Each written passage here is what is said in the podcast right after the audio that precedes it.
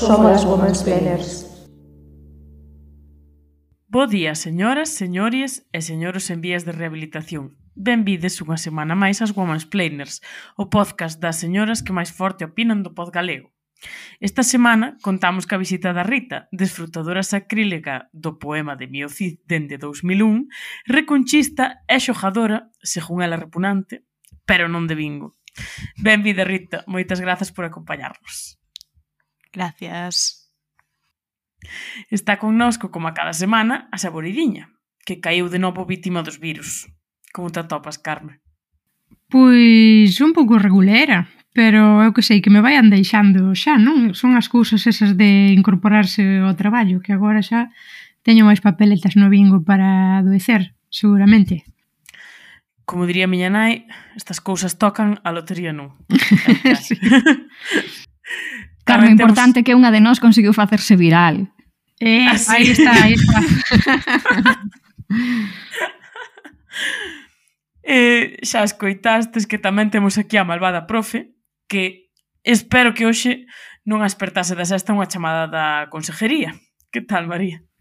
Mira, de verdade, hoxe domingo levo toda a fin de semana amargada porque me fastidiaron a, a sexta do Benres, que é o momento máis bonito da fin de semana. E ademais, coa parvada esta de que me, de que me interrumpisen a sexta, non me decatei de que esta semana fixemos anos, compañera. Estamos de aniversario. Como aniversario o aniversario, segundo o aniversario. Este ano non fixemos nada Pero especial. non fixemos nada, xa somos como eses señoros que se esquecen por polos aniversarios. E cantos anos teñen.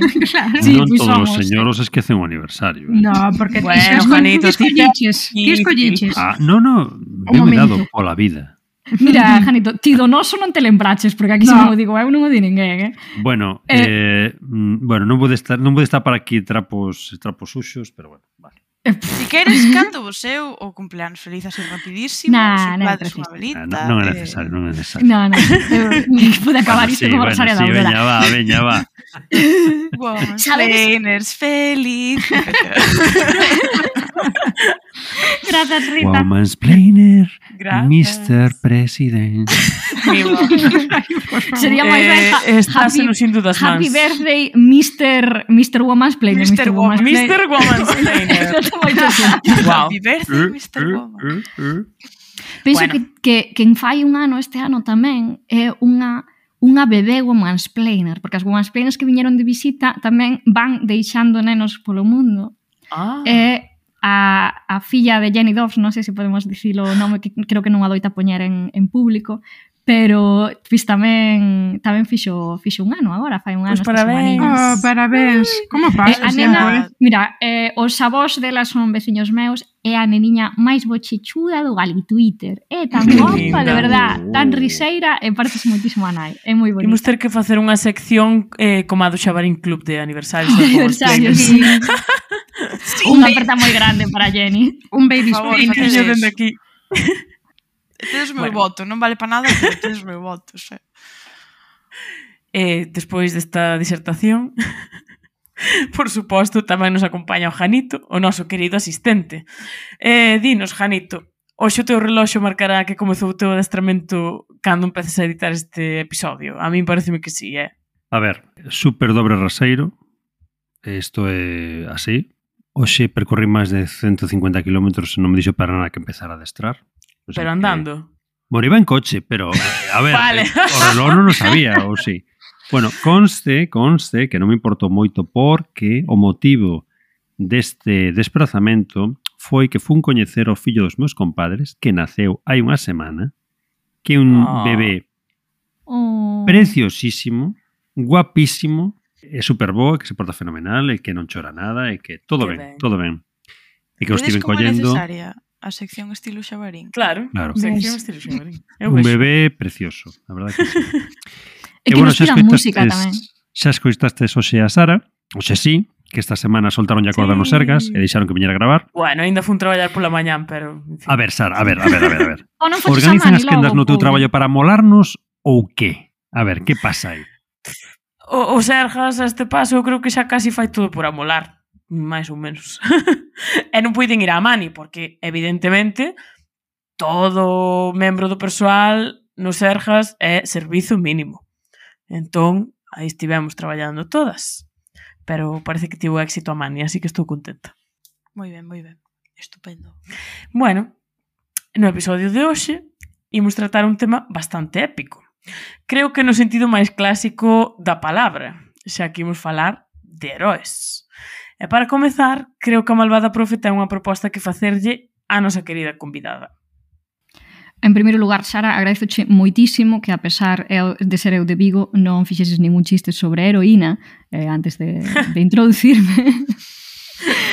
eh, efectivamente, eh, pois quería facerlle a Rita que, que a que quixo falar deste tema pois a pregunta inicial, non? Que sería Rita, que é un heroe? Que é iso dun heroe? De que falamos cando falamos de heroes?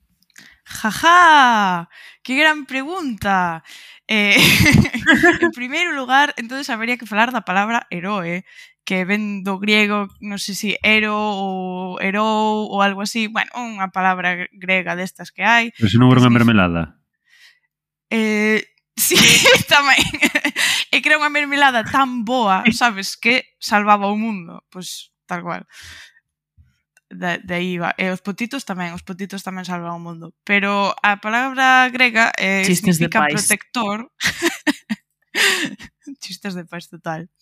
Eh, sí, eros, eros. Bueno, este, esta palabra grega significa protector ou defensor. Eh, na antigüidade, isto mm, é na antigüidade grega, vou a, vou a facer un disclaimer, estou falando eh, pois da, da antigüedade grecorromana, eh, lamentablemente teño moi pouco conocimento de heróis por exemplo, de outras literaturas clásicas como os dos poemas épicos in, hindús, que non, que non os coñezo, entonces pois non pude falar de eso, que eh, dame lástima, pero bueno, é así. Eh, adoitaban ser personaxes que tiñan algún tipo de eh, sangre divina mm, moitas veces, non sempre, pero moitas veces tiñan eh, eran fillos ou netos de deuses e o máis importante, os heróis na antigüidade grecolatina buscaban a gloria e o renombre, o chamado cleós, eh, necesitábano como el agua, o sea, era, era o seu rollito e ese cleós pasaba aos seus fillos e as súas familias. Pero entón, o de ser heroe er, herdabas así como se fora deputación de Ourense ou, bueno, un heroe, un heroe eh, pode ter como des, pode ter potencial de heroe, pero para poder acadar o seu estatus de heroe necesita eh, facer hazañas. Gañar as eleccións pola súa conta. Exacto. necesita no, en realidad é un concurso un concurso de méritos, como os Argas. Mais ou menos. Tes que ter unha puntuación para que che Pero a praza está perfilada, praza. a priori. e é máis fácil tamén. Máis fácil. Tamén é máis fácil, é moito máis fácil. É moito máis fácil. Aquí isto de, sabes, tomar trolla, pois, pues, regular, o sea, en dúas tardes. Sabes que tampouco lles... Uh, toma, botáronse dez anos ali porque aquí les estaba... Porque estaba melancólico, que si non, Aquiles nunha tarde. Ao final, cando dixeron, ahora sí que tomamos Troya, pois pues, le bulles non sei, un par de días. Ainda vais a hacer toda a heroína. de chill. Moi mal. Temos un día parviño hoxe, eh? perdón, Rita, segue contando, segue explicando isto para que sempre entenda. Eh, bueno, o sea, máis ou menos eh, é un pouco que así, temos exemplos clarísimos como Heracles, que o mítico Ajá heroe que se pon sempre de exemplo porque é forte e fixo todas as superheroicidades que eran os, os 12 traballos de, de, de, Her de Heracles.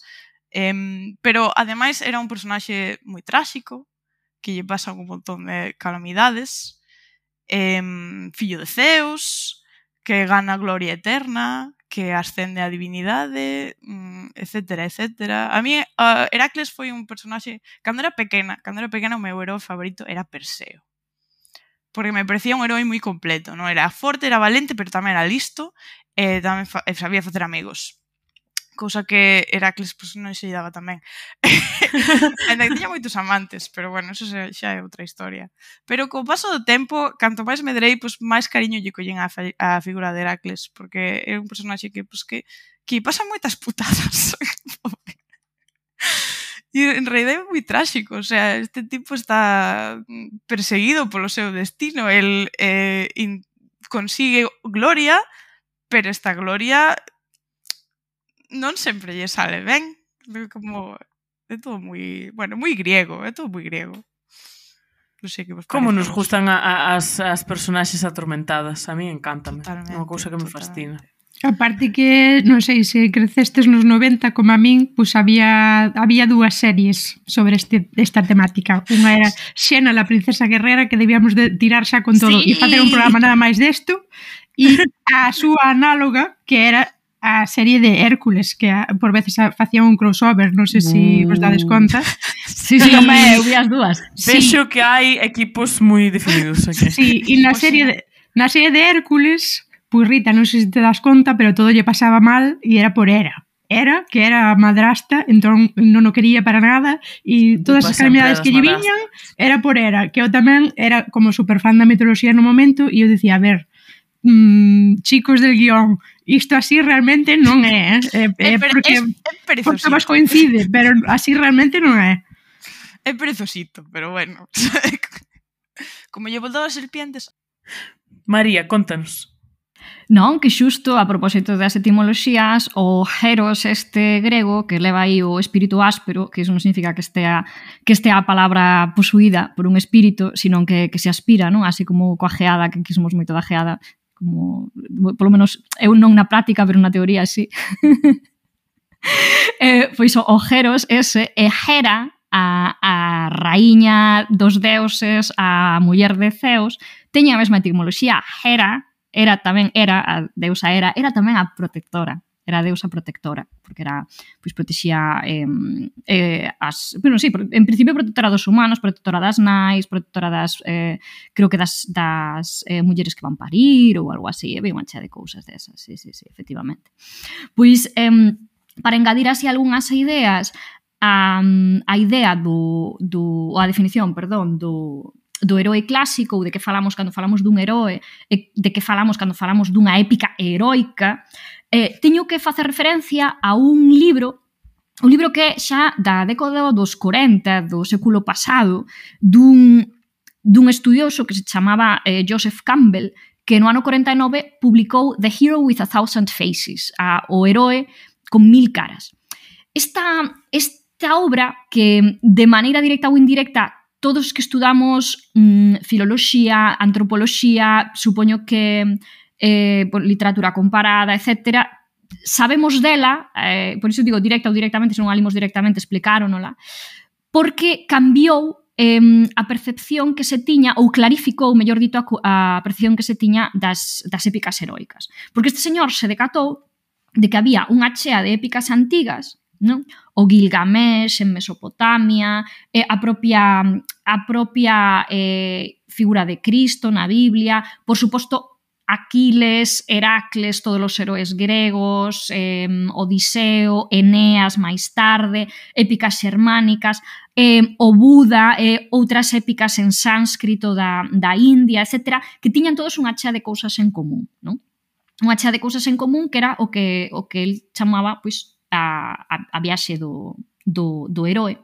E creou esta idea do monomito, non? Do monomito coas súas tres partes, A primeira que era eh, que tiña que ver con nacemento, como era ese nacemento dos heróis, moitas veces, pois iso, con sangue divino, fillo dunha deusa e de un humano, ou, do, ou dun deus e unha humana, ou de algunha fi, eh, criatura sobrenatural e outra máis natural ou máis normal, eh, moitas veces abandonado no nacemento, cun nacemento complicado, con algún tipo de profecía negativa que ameaza a súa vida, eh, criado ás veces por seres sobrenaturais, non pola súa familia ou por unha familia disfuncional, aleitado por unha besta, este tipo de cousas, non? Que temos pois en, en case todos eles. Eh, hai un momento en que aparece ese poder ese poder que pode ser unha forza extraordinaria ou algún outro que chamaríamos ese superpoder, non? un poder sobrenatural, algo que o diferenza do resto dos humanos, é que o heroe non acepta de entrada, non lle gusta porque os nenos xa sabemos como son e os mozos que son todos como vellas, gusta lle ir en rabaño e iso de ser tan diferentes, pois ao principio levan o regular ou non son capaces de calibrar e de manexar esa forza. E despois, pois hai un momento de de, de viaxe xa propiamente, non? En que en que se adentran, hai como unha introdución, un, un rito de, de pasaxe, en que poden empregar esa forza para o ben e finalmente, despois dunha serie de aventuras, hai un retorno, non? Un retorno do heroe. Hai moitísimas máis cousas, como o famoso descenso aos infernos, o de enfrontarse a si sí mesmo, mm, moitos episodios que non imos contar en detalle, pero unha cousa moi importante deste, deste libro foi eh, non a súa utilidade para os filólogos ou as filólogas, porque penso que somos un exército de mulleres, non? Eh, a hora de estudar mitos antigos ou para decidir incluso se algo hai un mito, porque creo que Campbell tiña, non lembro agora se eran eh, 14 ou eh, 13 ou 14 elementos, non? Que tú podías ir facendo como unha checklist, isto, isto está, isto está, isto está, e cantas máis e cual, cualidades desas teña un heroe, supostamente histórico, máis posibilidade hai de que a súa orixe sexa mítica en realidade, non? De que en realidade sexa ou se estea xa convertido en mito propiamente. Pero o que digo é que o máis importante deste libro foi o enorme impacto que tivo na cultura popular. É un libro do que había copias nos estudos de Disney. George Lucas ten falado públicamente de como se inspirou eh, en todas as eh, bueno, en, en todas en, en todas as explicacións de, de Joseph Campbell para crear a, a Guerra das Galaxias. Eh, influiu moito tamén no Mago de Oz. En, se pensamos en heróis máis actuais, máis de moda, e moi últimamente moi de moda, por certo, a conto do novo videoxogo que saiu Rita, Harry Potter é un heroe que encaixa moi moi ben, sobre todo desde o punto de vista das orixes, do superpoder, etc. Eh, na, bueno, na imaxe do, do heroe do heroe clásico, non? Eh, aínda que neste caso non sexa moi forte ni moi eh, nin teña esa idea de masculinidade así máis clásica que podemos discutir máis tarde, sino que basicamente sexa a súa capacidade de facer maxia que o fai especial e a que converte nun heroe. Pero polo demais a súa viaxe é unha viaxe de heroe clásica. Eh, e é moi curioso porque o seu impacto foi tal que hai eh, creadores, como foi o caso de Neil Gaiman, arroba Janito, que ti es así como das cousas dos, dos eh, da banda deseñada e tal que che gustan, non? Pois Neil Gaiman, que é o autor de, de novelas gráficas como O Sandman, pero tamén un novelista moi coñecido eh, por obras como American Gods, Deuses Americanos, de que se fixo unha serie, creo que, que estaba en Amazon Prime eh, hai un par de anos, non? Mm, confesou que empezou a ler o libro e que se decatou de que eh, todas, todo ese, ese esquema estaba tan presente en todo o que facía que non quixo acabar de lelo. Porque dixo unha cousa é que ti inconscientemente esteas a repetir patróns, patróns que coñeces da, da, da épica que xa coñeces, e outra cousa é que de repente che dean a fórmula da Coca-Cola e a apliques de maneira excesivamente consciente, entón que decidiu abandonar o libro, pois é unha cosa así, bueno, bastante curiosa e entón eh, quería dicir iso, non? Que, um, que que un libro que, bueno, que recomendo ler ou polo menos botarlle así algunha olladiña, se non a iso, pois as entrevistas que hai con, con algúns autores sobre como as influiu Rita. Eh, nada, estaba pensando que en realidad estou super de acordo con Neil Gaiman, non sabía esa anécdota, pero Eh, o libro da... Por, non o lin, eh, pero por suposto lin resúmenes, lin como o esquema xeral de todos os pasos, non sei, todos os pasos que hai, de que tratan, do que dá o heroe para, para chegar ao seu destino de, de heroe. Eh, pero pareceme que como que sí, que está moi ben que, que tuveras esa idea e que, e que descubriras isto, pero é como Ahora nós como sociedade tamén nos toca non obsesionarnos, non? Porque mm, o sea, igual eu por eso digo, eu estou de acordo con Neil Gaiman, porque despois basta obsesionar del el está repetindo patróns que que repite porque son culturales para para el, que lle salen porque os ten asimilados. Eu creo que, que ten razón. Si eu, se si fora el, seguramente tamén teria parado de lelo, porque diría, si, si o acabo, voume a e vai ser peor, vou empezar a, a facer como se chaman, dobles tomas de todo o que escriba, de todo o que pense, de todo o que me imagine, e, e así, bueno, en fin. Eh, tamén penso que o, o libro, eh, o sea, non todos os heróis clásicos collen en todos os aspectos no libro, pero bueno, eh, podería estar equivocada, cada eh, subxectivo, etcétera.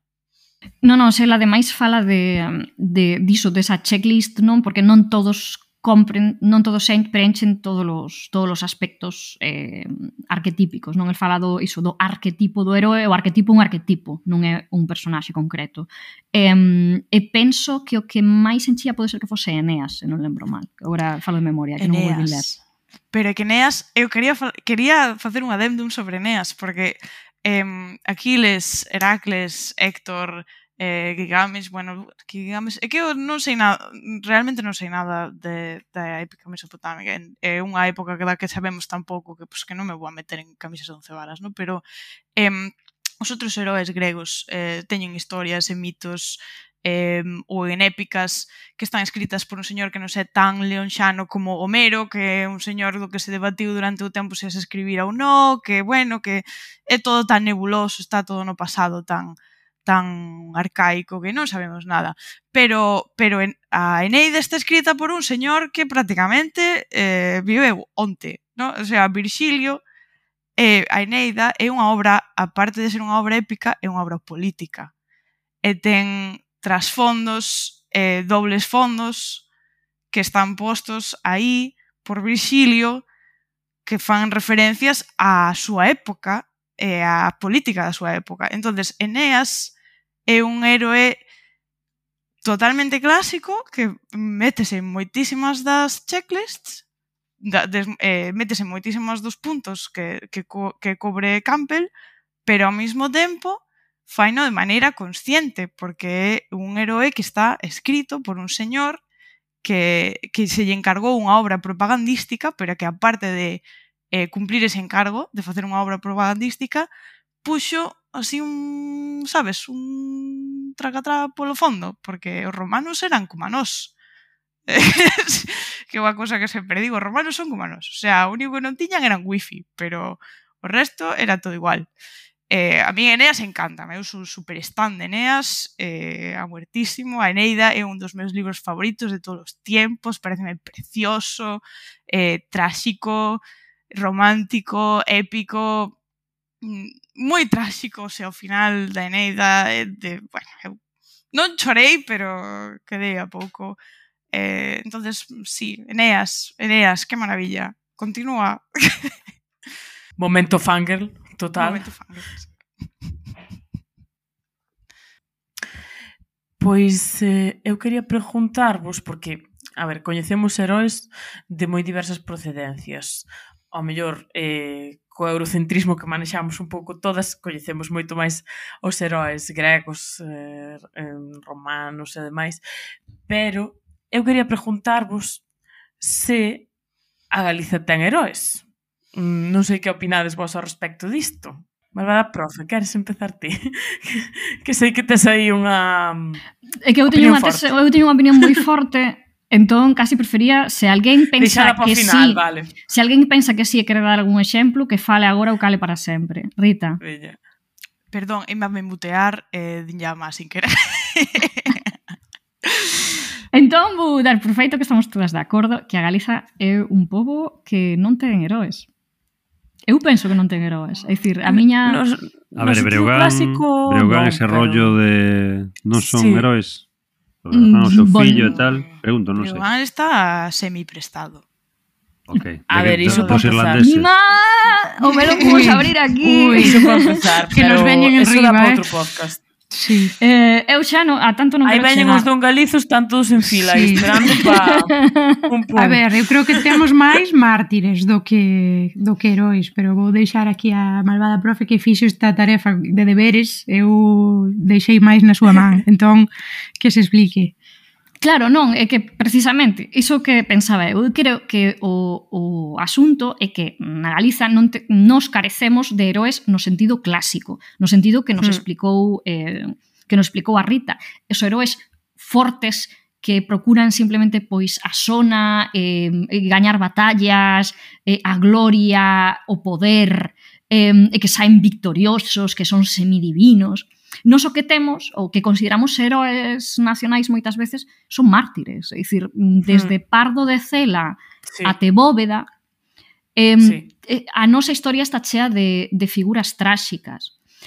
E a nosa literatura, a nosa literatura non digo a popular ou a tradición oral xa, senón eh, a, a máis escrita, o que nos deu foi unha chea de antiheróes moi interesantes, quero dicir, desde Cibrán o Castizo na, na, na Esmorga até un pícaro que é casi un vilán en realidade, como Don Celidonio no Porco de Pé. Eh, eu creo que o noso problema é que somos un pobo patolóxicamente lírico, que non somos épico, e entonces claro, a lírica eh, ao final tende un pouco a, a, tras, a, a, a é, é máis fácil facer lírica da traxedia que da épica, penso eu, non? Entón, eh, Eh, non sei, quero dicir, teño a sensación de que na literatura juvenil, se que eso sí que se está intentando deseñar un pouco ese heroe, eh, non lin aínda que saiu de Manuel Esteban Setestrelo este mes pasado, en xaneiro. Teño ganas de lelo porque penso que pode ser un heroe, eh, un heroe da literatura juvenil nun sentido así máis máis clásico, con máis poderes e tal. Carme, veña, retrúcame aí, ó. Oh. Non, non vou retrucar, vou dicir que houve un señor que tivo un propósito de construir unha épica galega que foi Eduardo Pondal e quedou un pouco cucu tocando e retocando os eoas ata a súa morte, que quedou aquí nun maletín. Entón, non me pareceu moi boa idea deste señor, non, non, non terminou a súa carreira como no culmen que debería ser. Eh, tamén creo que quiso quixo centrar nun tema que hoxe tampouco está moi de moda, non? Que o entre aspas, descubrimento da América. Entón, hoxe é bastante impopular, mmm, pareceme pouco resgatable ese, ese canto épico que intentou construir eh, Rita Usara. Eh, eu só quería engadir o que comentaba Malvada Profe, que ao mellor eh, o tema de que teñamos tantos mártires en lugar de heróis ven un pouco pola sensación esta que arrastramos de pobo perdedor, sempre, non? Un pouco eh, vivindo no drama, ou non sei se tamén terá relación con que os povos, eh, digamos, eh, que máis ian á guerra, máis eh, conquistadores, máis, eh, non sei, rollo imperialista e tal, teñan máis heróis para facer un pouco de, de propaganda de todo este asunto, non? Non sei que pensades por aí, Rita, que tiñas a mal levantada.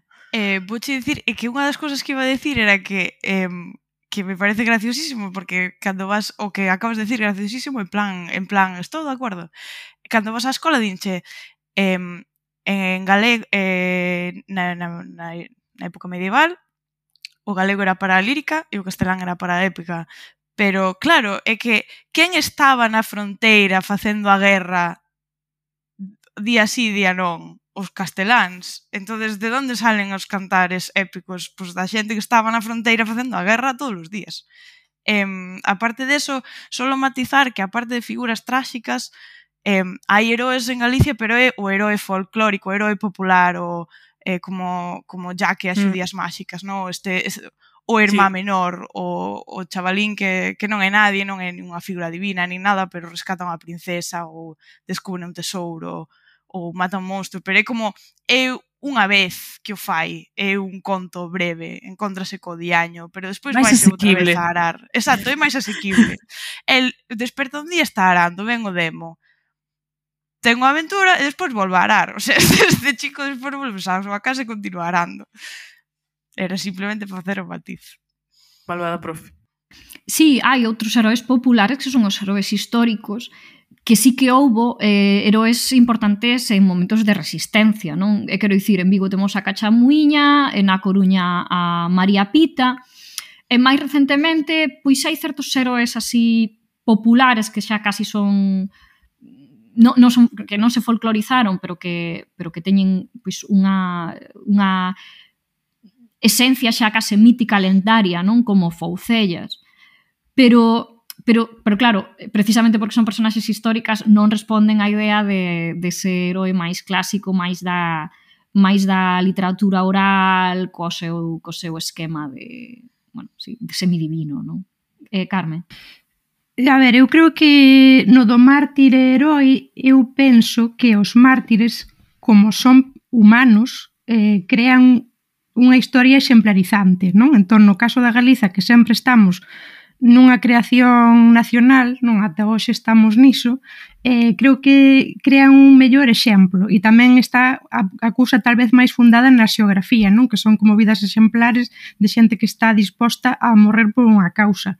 En cambio, un herói, pois claro, ten que haber aí certa divindade, algo misterioso, cousa fenoménica, eh, se temos un pardo de cela que sabemos que existiu non e que, e que é un símbolo de resistencia, pois se esa persoa ten por trás unha biografía, se encumbramos esa persoa é máis fácil que naza outro pardo de cela, pero non vai nacer aquí, o que sei, un Spider-Man. Non, eh, entón creo que é moito máis recorrente ou máis útil para, sí, pois para certas identidades en periferia termos máis mártires do que do que heróis, tal vez.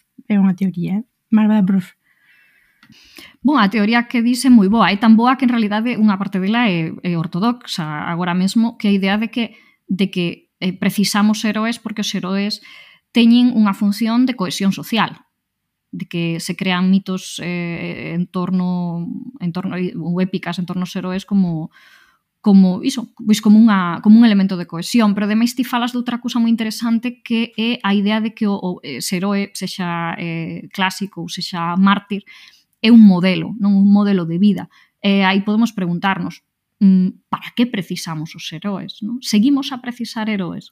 E que tipo de modelos son eses que nos dan? Porque a mí me interesan bastante os heróis clásicos desde esa idea dunha masculinidade hexemónica, hexemónica desde hai 3.000 anos e que até certo punto segue a funcionar.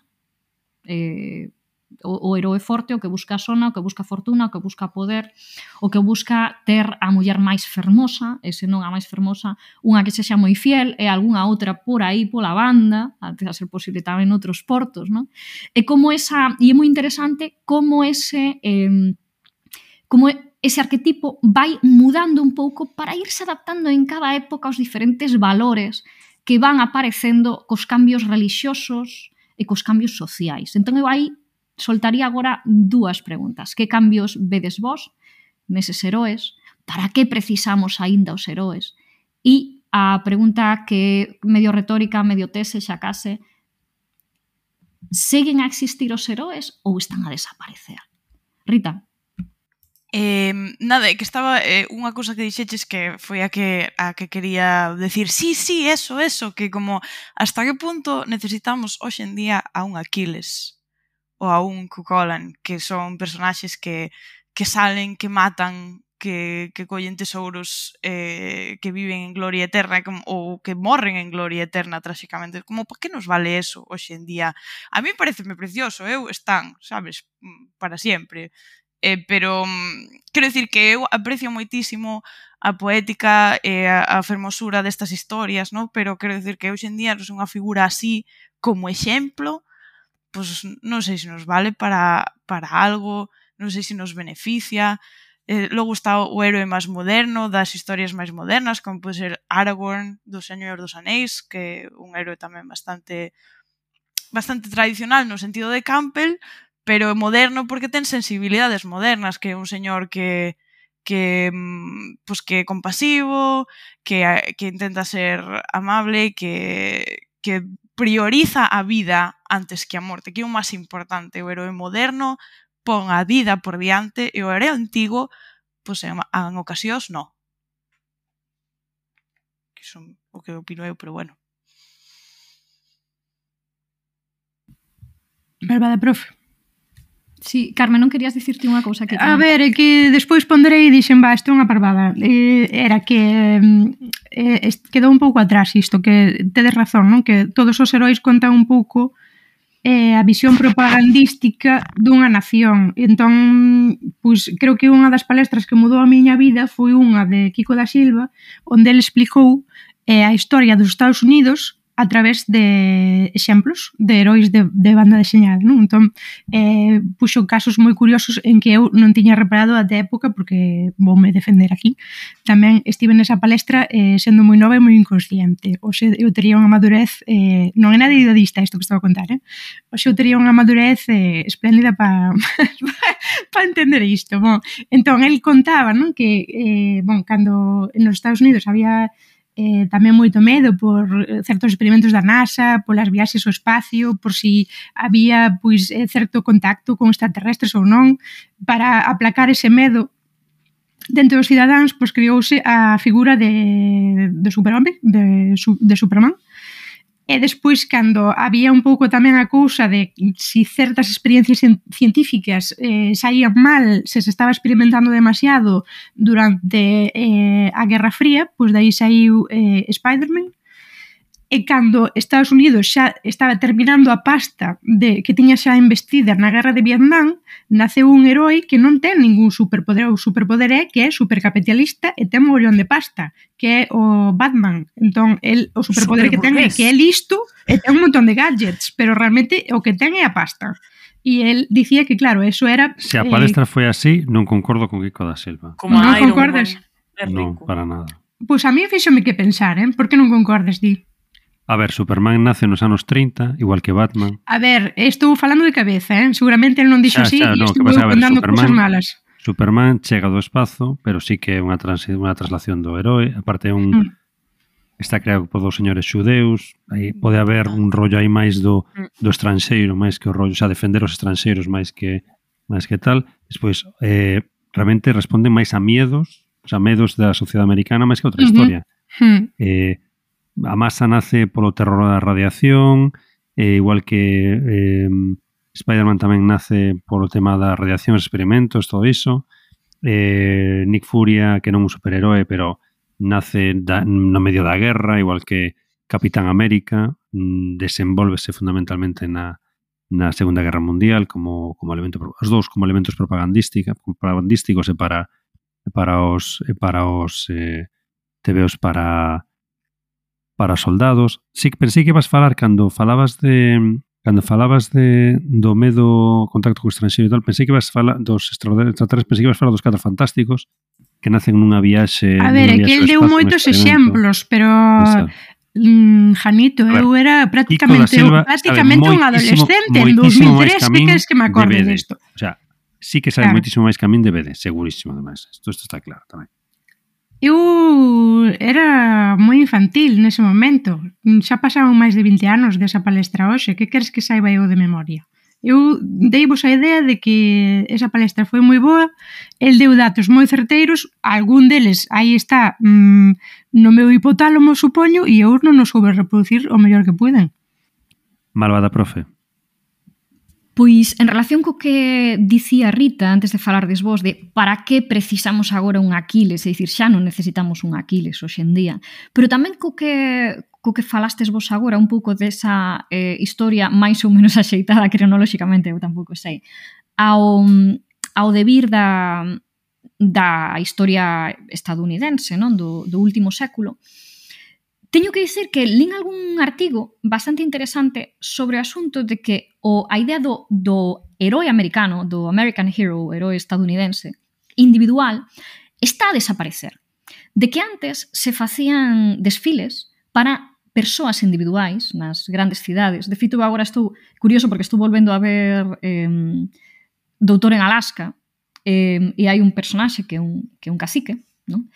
eh, pero que antes pois, un cacique, desde o noso punto de vista, sería un cacique, non? Desde o daquela, pois, é un, pois, un capitalista eh, que é un ex-astronauta, non? A idea do astronauta como, como un pouco paradigma do heroe americano durante a Guerra Fría. E el comenta que cando, que cando chegou de volta, que lle fixeron un, un desfile, en, non lembro se en Washington ou en Nova York, ou en algún sitio importante. Bueno, Nova York... En todas as pelis de ¿eh? astronautas que lle facían uns desfiles enormes en Nova York. Exactamente. Entón, El fala diso. E do que se fala, eh, do que se falaba neste artigo é que eses desfiles desapareceron, de que agora os heróis son sempre eh, heróis colectivos, eh, anonimizados, non? Na figura, por exemplo, dos eh, pois durante o, o 11 de setembro, os ataques ás Torres Xemeas, pois o eh, as sanitarias, eh, os bombeiros, eh, unha serie de figuras non que serven máis a sociedade de maneira anónima eses heróis do cotián. Son o que está máis de moda. Ten moito sentido, porque en realidade esas persoas son moito máis necesarias para a nosa cohesión social hoxendía do que é ningunha persoa individual e hoxendía pois esa esa escalada eh, espacial, esa esa guerra das galaxias eh, entre a Unión Soviética e e os Estados Unidos saiu por completo da, da primeira plana non dos, dos xornais. Parece moi interesante esa idea.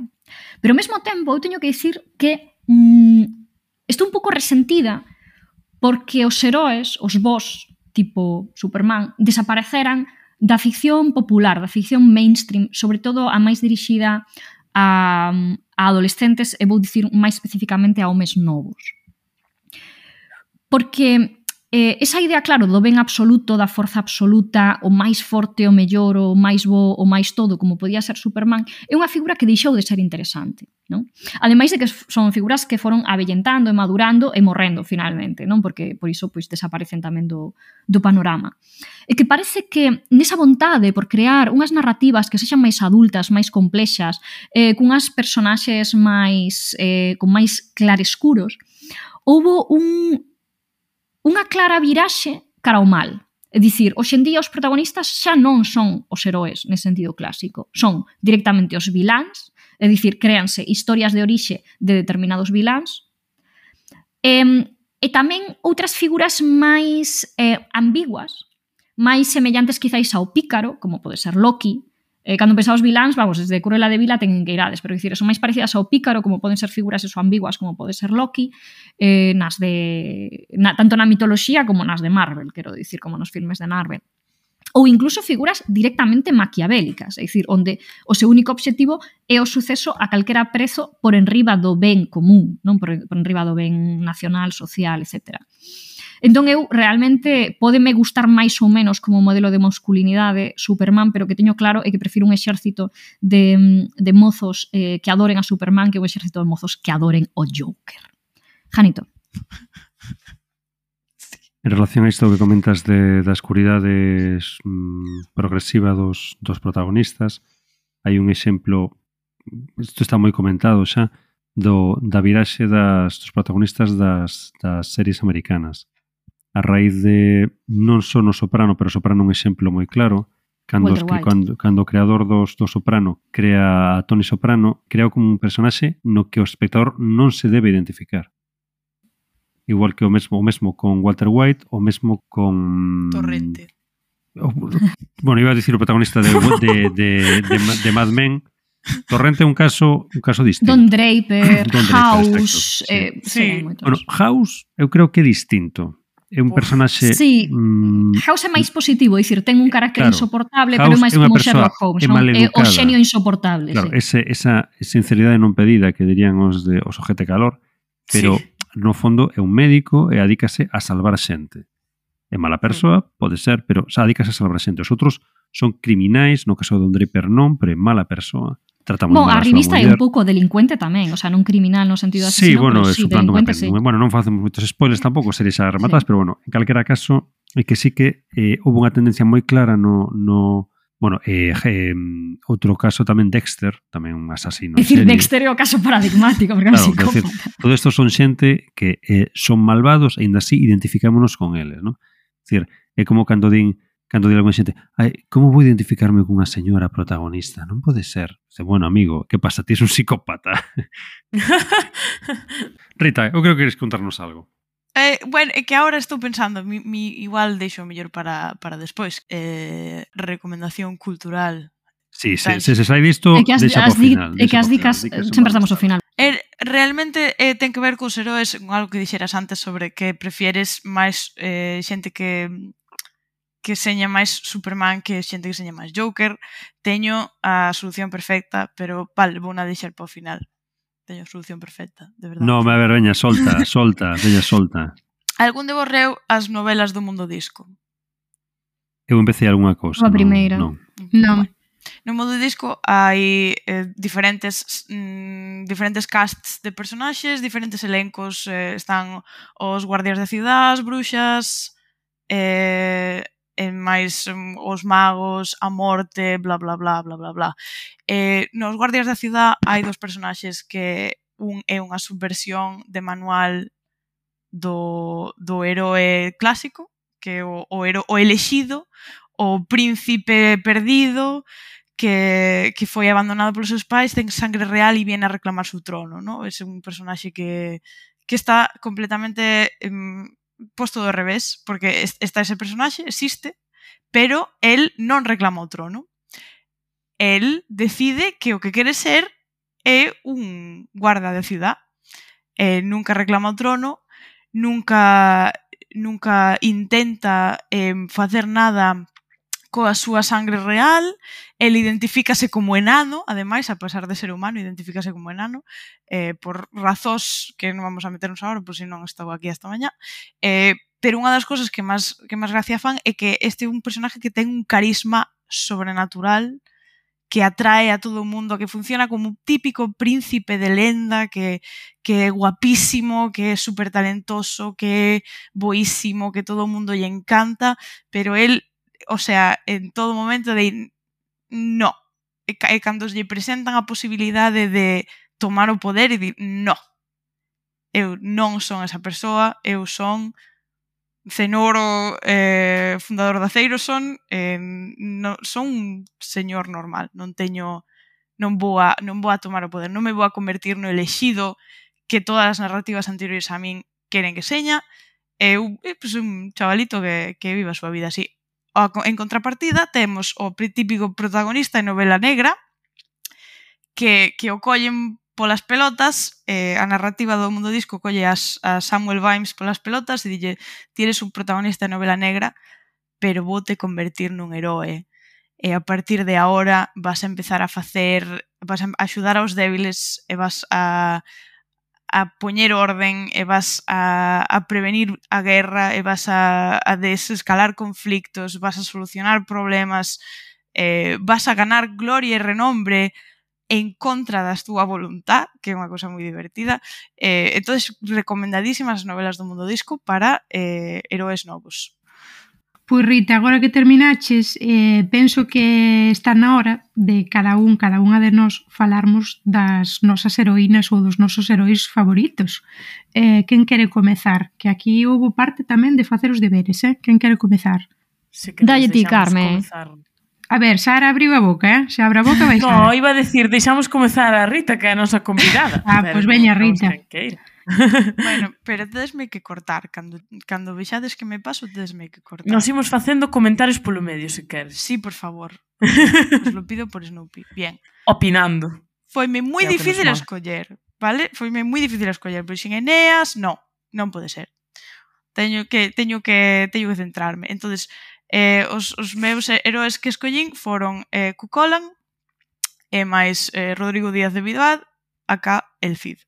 Vamos a empezar por Cucolan, que é o, o, o can de Culán, o, o can do Ulster, o héroe nacional irlandés. Cucolan é unha figura un pouco controvertida porque por ser polo mito que polo mito que ten mm, algunha vez ten sido utilizado por grupos un pouco mm, extremos eh, do nacionalismo irlandés a nivel de... De señores a, que van pedindo taxis por aí. Sí, Eh, Así moi branco, e moi... Sí, vale, vale. señores que van pedindo taxis por aí, porque é o defensor do Ulster en contra do invasor, ¿no? entonces pois colleron este aspecto do mito de Cucolan, que é un mito complexo, que ten moitas cousas que se podría falar delas todo o día, e pois escolleron eh, centrarse neste tema, e por iso é unha figura que é un poquinho controvertida nese aspecto. Pero para min é un dos meus favoritos porque eh, é totalmente un exemplo eh, de héroe da antigüidade, que xa nace con sangre divina, fillo fillo do deus Luke, empeza repartindo hostias a la tierna edad de sete anos. No? El chega, aprende a andar, aprende a falar e dixe, pues, eu vou empezar a repartir hostias. E, e mata todo. El, vai, vai por ali, pegalle palizas a, a outros nenos, a maiores, animais, o que se lle poña por diante. O sea, este chaval vai a topísimo, el, non se pode conter. É como, el ten unha cosa de que é moi, moi interesante deste personaxe e que lle dá unha cousa que lle chaman teño que mirar com, como se di porque porque nunca me acordo. De, ten un modo super saiyan. Cucolan ten un modo super saiyan que ten un nombre en irlandés que agora non sei non, non sei como é porque non me non o vexo non, Ponse non modo berserker é, é máis ou menos, empeza é, é precioso, non? É, como vos ese loco, ou empeza a retorcer o corpo. Está descrito no poema na, na no robo de ganado de Cooley está descrito de, ma de maneira fermosísima porque eh, pon cosas como que mm, o seu pelo e a súa cara volvese de mil colores, eh, a súa imaxe retórcese, pero, o sea, é terrible, pero é brillante e non sei, é, é, é moi fermoso. O sea, ese poema é realmente moi bonito. Pero bueno, de, de, entonces danlle como estes episodios de de Super Saiyan ir a Berserker a tope, eh, é moi difícil calmalo. Entonces non é unha figura heroica no sentido de eh, Superman de he venido a hacer el bien, eh, sabes, boa, a, voy a luchar pola justicia, é unha figura heroica no sentido máis antigo, eh, unha figura divina que está apresada polo destino, é unha figura moi tráxica, el ao final morre bastante novo, eh, pues, loitando cos seus enemigos despois de despois de eh, romper un xuramento que fixera sin darse conta, incluso, bueno, eso é que todo moi complexo, pero eh, a máis a episodio máis coñecido da vida de Cucolan é a, o roubo de ganado de Culi, no que neste episodio da súa vida en concreto el ten 17 anos, vale? Lo quiero aclarar, el ten 17 anos neste episodio. Hai xente que cando se refere a Cucolan non chama un home, chama un neno, porque Cucolan é un neno soldado, ao fin e ao cabo, é un, é pues un chavalín que realmente é un neno porque a, o roubo de ganado de Cullen empeza nunha circunstancia no que todos os homes do Ulster están enfermos por unha coisa que lles pasou, que non vamos a entrar nada. Bueno, pasoulles unha cousa e todos os homes do Ulster enfermaron.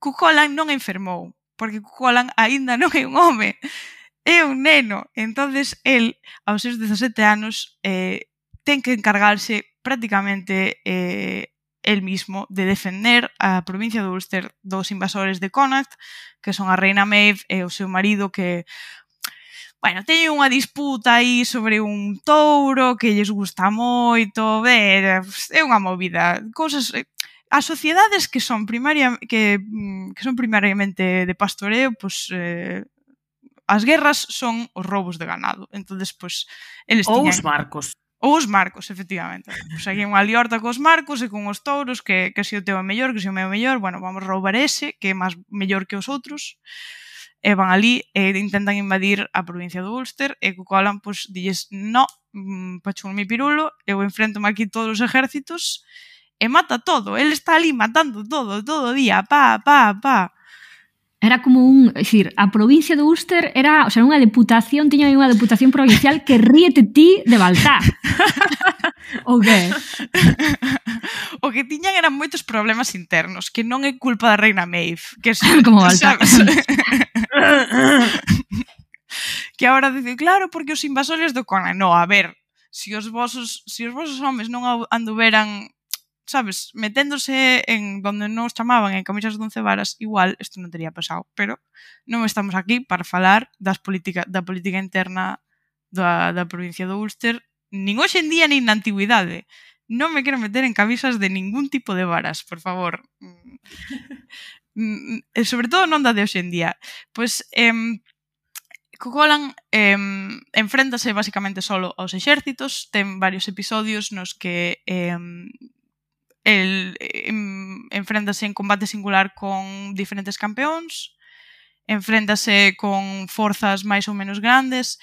Eh, chegado a un punto eh, está tan cansado, está tan tan cansado que se lle aparece o Deus Lug e, e dille eh, Colan, yo soy tu padre, eh, eh, vou te poñer a dormir porque es que no te me tienes en pie chiquillo. Entonces, ponno a dormir e pasase tres días durmiendo. Que pasan esos tres días? os que lle chaman os, as juventudes que son o resto dos nenos do Ulster, o resto dos neniños do Ulster, vanse enfrentar ás forzas de Connacht. E todos estes neniños, como non son Cucolan, son masacrados. Entonces, cando Cucolan desperta despois de tres días de estar descansando, encóntrase con esta escena no que todos os neniños foron masacrados e non le va bien, non lle vai ben. Finalmente, máis ou menos, resolvese un, o, o punto álgido do poema, o máis bonito, o máis precioso, é eh, cando se ten que enfrentar ao seu eh, irmá, eh, non irmá de sangre, pero o seu, como o seu colega máis querido, o seu mellor amigo Ferdía, que, eh, Ferdía, Ferdía de máis Colan eh, foron entrenados por unha señora supervadas que se chama Caja que viven en Escocia, no hai unha parte da lenda onde eles dous van ali á illa de Sky a ser entrenados pola guerreira Caja, increíble, bueno. Entonces eles fanse super amigos nese durante este entrenamento, moi xonen todo. E cando e cando chega un punto de que Connacht a reina May, eh, a reina Maeve promete a Ferdía sí, Sí, e de feito tense falado deste tema e eu estou de acordo. A xente non está vendo que fixen así o xesto de amigos, amigos entre aspas, eh, entre aspas, ese, amigos, entre aspas, amigos. amigos. Eu, eu son do, do equipo de que aquí había aquí había tema, you aquí había tema porque very good friends. Very very good friends porque tiñades que ler algunhas liñas do poema que como mm, eh, desto de he muerto aquí hoy, sabes, después de matarte, Ferdía. Que como, ok, vale, esto, todo esto es muy normal y de amigos que se quiere mucho. En fin, que Ferdía vai ali, prometenlle, prometenlle a, a madre da filla de Maeve, el, bueno, vais a enfrentar a Cucola e Cucola está como, non me podes hacer esto, tiros meu mellor amigo, non te puedo matar, pero ao final acaban peleando e, pues, mat, Cucola mata a Ferdía e está co corazón roto. O sea, esa escena do poema é increíble. Eu non o poñe, non tería posto aquí a Cuculan se non fora por esa escena na que, na que el mata a Ferdía e eh, está rotísimo. O sea, a súa vida eh, nunca será igual. Mm, é super triste, é super triste. E encima, claro, despois bien, nos ha salvado a todos, Cucolan, eres el mejor, e Cucolan, sí, pero, sabes, mm, a miña vida é toda así. En realidad é que a súa vida é toda así.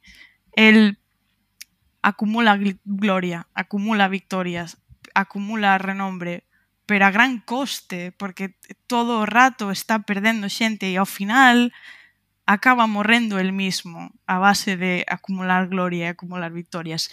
Dinos, eh, malvada. No, ia dicir que, que, que che ven moi ben, moi, moi ben traído todo porque o teu segundo heroe preferido comeza a súa historia chorando. É un home que comeza sí. chorando eh, que, que canta cando que chora Boys don't cry, os nenos, os, os rapaces non choran, pero os homes de verdade choran. E os de los, tamén. De los sus ojos tan triste mientre llorando. A tope aí. Vamos. Vamos.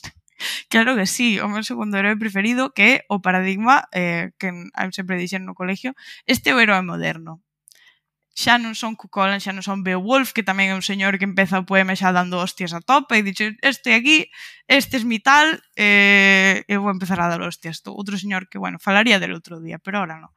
O Cid é un señor que non fai eso, é un señor que empeza o poema chorando. É normal, a priori. Normal, porque se ten que ir da súa casa e eso é es moi triste. O sea, nas primeiros versos xa empeza en plan abrazando a súa mujer e a sus hijas, dándolles besos porque se ten que ir, porque auxiliaron eh, é todo moi triste, pero é un heroe do, que cambia o paradigma, porque agora somos cristianos e os nosos deuses xa non se comportan da mesma maneira que os deuses da antigüidade, e as nosas sociedades xa non son as mesmas que as sociedades antiguas, temos que darlle algún tipo de valor a, a paz, a armonía, supoño, a, a é un, hai valores diferentes, entón Rodrigo é un heroe completamente distinto, el obviamente dá hostias, porque que heroe que se precie non dá hostias, pero pero, pero entre, as, pero entre hostia e hostia hai, hai outras cousas. Hai outras cousas eh, que para min son moi valiosas, son realmente o que fan ao Cid eh, un personaxe un personaxe que que ten interés, outro personaxe que tamén foi adoptado por señores que piden taxis, como ben sabedes. Moi españoles. Bueno, moi españoles. Y, pero eu estou aquí para ver a serie, Rita, que che parece a sí, serie. Sí, a mí a serie sí. gustoume, pero porque levaba anos pedindo unha serie así. Eu, sabes, despertei un día aos 20 anos e dixen que me fagan unha serie donde que seña como como vikingos, pero sobre el Cid. Isto é es lo que quero yo. Ademais, eh, a mí os, os señores que piden taxis eh, que me digan algo sobre as miñas opinións de Cid, que lles digo eu o que penso sobre Cid en Minaya, eh? en todas as escenas onde se dan besos e se dan abrazos, e lle di el Cid a Minaya, sin ti non soy nada, sabes? É que eso, máis ou menos parafraseando, dillo. Mm, yo lo dejo aí. Mm, malvada, ti queres dicir algo? a este respecto? Non, eu, se queres falar de, desa idea de heróis modernos, eu non penso que Rodrigo sexa especialmente moderno, se non for polo, polo tema das, das eh, vaguas. Penso que o, que o detalle que ten, o que ten de especial, é o que teñen o que teñen de especial case todos os heróis medievais, que xa non son heróis, que son cabaleiros. E que mm. entón mm. representan non esa masculinidade eh, clásica antiga, moi antiga, moi primitiva, senón eh, un ideal feudal, non? Son vos vasalos e son mm. cristiáns. E como homes cristiáns, eh, unha cousa que poden sentir é mágoa. E poden chorar, e, eh, e poden ser caritativos, e, e, e ter misericordia de outra maneira, non ser empáticos dunha maneira nova e diferente. Eh, claro, para min o meu heroe eh, do día podería ser o mesmísimo Xesucristo, porque na medida en que en que estes heróis clásicos eran ideais eh, inalcanzáveis, claro, de masculinidade, tamén Cristo se comporta se se converte nun novo modelo de masculinidade, non? Que di que, que o seu superpoder xa non é a violencia, senón todo o contrario, o seu superpoder é a ausencia de violencia, o seu superpoder é o amor. É fillo de Deus, é dunha humana tamén, Eh, si tamén é criado por unha familia extraña, non? Porque tamén ten un padrastro. Eh, e tarda en percibir a súa natureza extraordinaria e en asumir o seu, o seu destino, non que é unha cousa típica dos heróis tamén, eh, tardar en asumir o seu destino. Pero cando fai, faino eh, até a morte, non? faino até que lle custa a vida. Eh, tamén a súa función unha función de cohesión social, eh, é un heroe pobo, é un home pobo, é dicir, é o home do seu pobo, do pobo dos xudeus, que os ven liberal, que os ven liberar, tamén temos unha matanza dos inocentes, non, como esta, eh, mm. el escapa da morte pois por casualidade. Eh, e o asunto é que é que a, a idealización da imaxe de Cristo a través das pois, eh, dos evanxeos e, e, de, dos, e do que queda fora dos, dos evanxeos, non dos, eh, dos, dos textos pésicos e apócrifos e tal, influe moito os novos modelos de masculinidade da idade Media, que son un encontro da mitoloxía xermánica, que en certa maneira é moi semellante á, á greco-romana, e este cristianismo, esta, esta eh, idea que ven do, do Oriente Medio, non do Próximo Oriente, perdón.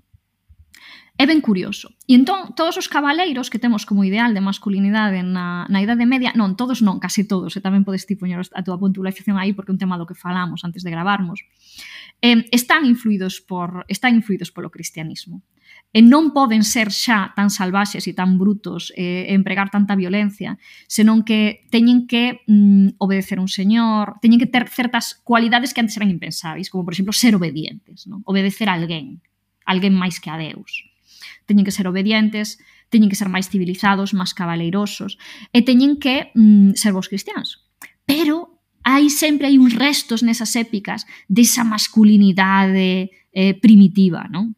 Por exemplo, eh, no, no Cantar dos Nibelungues, pois, pois o, outro modelo do que quería falar era Sigfrido, pero penso que agora xa está de sobra porque falaches ti de Rodrigo, que Sigfrido pois nos nivelungos eh, xa non é un, un heroe primitivo, non? É un cabaleiro, Cortés. É un señor que medra nunha corte, que ten boas maneiras, e salvo en certos episodios onde realmente, pois sí, axuda a outro rei a violar a súa muller e fai así unhas cousas un pouco de pícaro nórdico, eh, non ten nada que ver con esa idea de masculinidade pero sempre hai aí unha pegada non do, do heroe primitivo. No caso dos nivelungos é eh, Hagen Fontronie, bueno, Hagen que lle chaman Fontronie no, nos nivelungos, non? Que, que representa ese heroe xermánico eh, tráxico, violento e que vai ata fin coa lealdade da tribo e que acaba pois morrendo a, a, nos nivelungos a, a mans de spoiler attack aquí eh, a tope, sabes, que acaba morrendo a man de Crimilda coa espada do propio Sigfrido ti tes hai un exemplo moi bo tamén no CID, eh, se queres xa pasamos á seguinte compañeira. E, perdona, é que, é que acordouseme cando empezaches a falar do tema, e unha cousa máis cando digo heroe moderno, quero dicir heroe xa con un paradigma diferente, non moderno moderno, pero con No, no, premoderno, sí, sí, pero eu sabía que te referías, sí. que non é antigo clásico. E non é antigo clásico. Efectivamente, no CID, outra cosa que, que me gusta moito do CID é que, para min, é un pouquiño, é un pouquiño un shonen, porque o noso héroe ten un cast de amigos que son super amigos del e que van hasta los fines del mundo por él e que son todos, sabes, el poder de la amistad lo puede todo. Eles van a tope os uns cos outros, el Cid por Minaya, Minaya por el Cid, Vero Bermúdez, Martín Altolínez, Aben Galbón, incluso o Bispo Xerónimo, son super amigos. E eh, un dos amigos super amigos do Cid, de estos de que que lo dan todo por, por el é eh, Pedro Bermúdez que como co decías tú do, do outro do Herodos da Hagen, a pegada, sí. do Hagen é a pegada primitiva do que queda no Cid que é a pegada que é heredeiro de heróis máis anteriores como Mudarra González, Fernán González e eh, incluso máis primitivos, un menos falador, menos compasivo, menos me, non menos compasivo, porque el ten compasión, pero é menos menos menos mexerica. Menos cristiano, eh, ademais. Menos cristián, menos mexerica. El, eh, ten a mecha cortísima. Ten a mecha moi corta. Eh, sempre pegar primeiro e preguntar despois. Pero eso, o meu, o meu Saborina. pedrito. Ai, pois eu con Xesucristo, mira, non empatizo nada, eh? pareceme a peor personaxe do libro. Uh, o home máis aburrido do libro. Eh? Alerta hippie. Si, sí, non sei, eh, teme moi pouca chicha. Menos mal que cando entrou no templo e viu os mercaderes fixou algunha reacción, porque de verdade, sí. Eh, pff, normal que sexa como un semideus e, e esa cousa de estar todo día paisado, pois achacua a que ten máis de deus que de humano, porque o único que me parece en que eu podo empatizar con Xesucristo é que lle fixeron burla porque era falante dunha lingua menorizada. Entón aí, pois, eh, vale, entendo a súa cousa co, co aramaico e, e podo máis ou menos estar no seu lugar. Pero de resto, pareceme todas as personaxes bíblicas moitísimo máis interesantes que el. Eh, de aí entón paso eh, a miña heroína que antes estivemos falando de si revelábamos a identidade de quen íamos falar ou non e eu digo, non creo ni que sexa preciso porque non, non o vades adivinhar pero tiña clarísimo que ia falar desta persoa cando estábamos un pouco xestando este este programa. Entón o que vou facer, igual que cando fixen o das raíñas ou, ou outros programas onde cada un puxa así máis da nosa documentación propia, Pois vou comezar a falar e a ver se máis ou menos ides adivinhando de quen, de quen falo. Esta persoa sería máis ou menos eh, descrita pola miña nai como unha fenómena, porque a miña nai usa a palabra fenómena, fenómeno. eh, para alguén que é un pouco freak show, non? Pois eh, para alguén que ten a... non sei se, se usan tamén nas vosas casas, pero na miña sí. Para alguén sí. que pode xogar no obradoiro porque é altísimo ou para alguén como esta muller, que é unha muller, escolle unha muller. Que puda no circo. Sí, pois mira, esta muller é moi alta, sempre é definida como moi alta, moi grande, uh -huh. moi fea, moi forte Uf. e ten seis dedos en cada man. Uf, seis dedos. Con Ruben. Non se apelida seis dedos, de... que a orixe do apelido é por aí, pero non se apelida seis dedos. A cadros. Eh, estades ou non? Eh... Non. Out total. Só, so, só so con esta descripción Calquera persoa debaixo do miño sabe perfectamente de quen estou falando. Vos, sí. sei de sobra de quen falas, de Deula sí. Deu. Carallo, no, falas de Deula no, Deu. Non, no, Deula Deu non é nada descrita non. Eh, como fea, no, forte. Non, pero al... grande, forte, sí, o dos seis dedos non o sabía, pero digo, eu vou probar. No, Deula Deu ten dez dedos mm, cinco en cada man, non é Deula Deu. Esta muller naceu no Algarve por volta do 1350. Os pais xa terían unha taberna, entón eu penso que o superpoder, se se pode dicir superpoder, é que sempre se soubo defender moi ben dos homes por esta cousa de ter nacido entre entre homes bébedos case, non? Entón ela ficou orfa. Xa e xa partiu a procura de aventuras, porque cada heroína ten que realmente facer unha serie de traballos como Hércules, non? E ela deuse conta de que gostaba da guerra e quería ser unha muller soldado. Non vos, a falo, pisqueira. non vos falo de Mulan, xa sabedes que non. Pero hai moitas... A pisqueira tampouco é. Eh? Non, hai moitas heroínas que, sabedes, non? Que hai tamén como un xénero de heroína que quer ser muller soldado. De feito, tiña pensado sí. outra persoa, outra heroína para falar, pero como se nos está facendo moi longo este programa, só vou falar desta. Se despois restan algúns minutos e hai que falar de outro exemplo, pois xa direi o meu segundo exemplo. Bon, un día desafiou un soldado do rei, dixo, a ver quen dos dous pode máis aquí. E nesa loita, pois ela gañou e matou no. Entón tivo que fuxir, porque como era un soldado do, do rei, tiña medo de ser, de ser presa. E dai apañou un barco, non? E que pasou? Que o barco era un barco pirata e aí foi escravizada por, polos piratas que había. E perdese un pouco a noticia histórica dela, porque esta é unha personaxe histórica. Entón, perdese a noticia histórica ata chegar a encontrala nunha terra super emblemática para Portugal que se chama Aljubarrota. E agora, xa sabedes ou non xa vedes?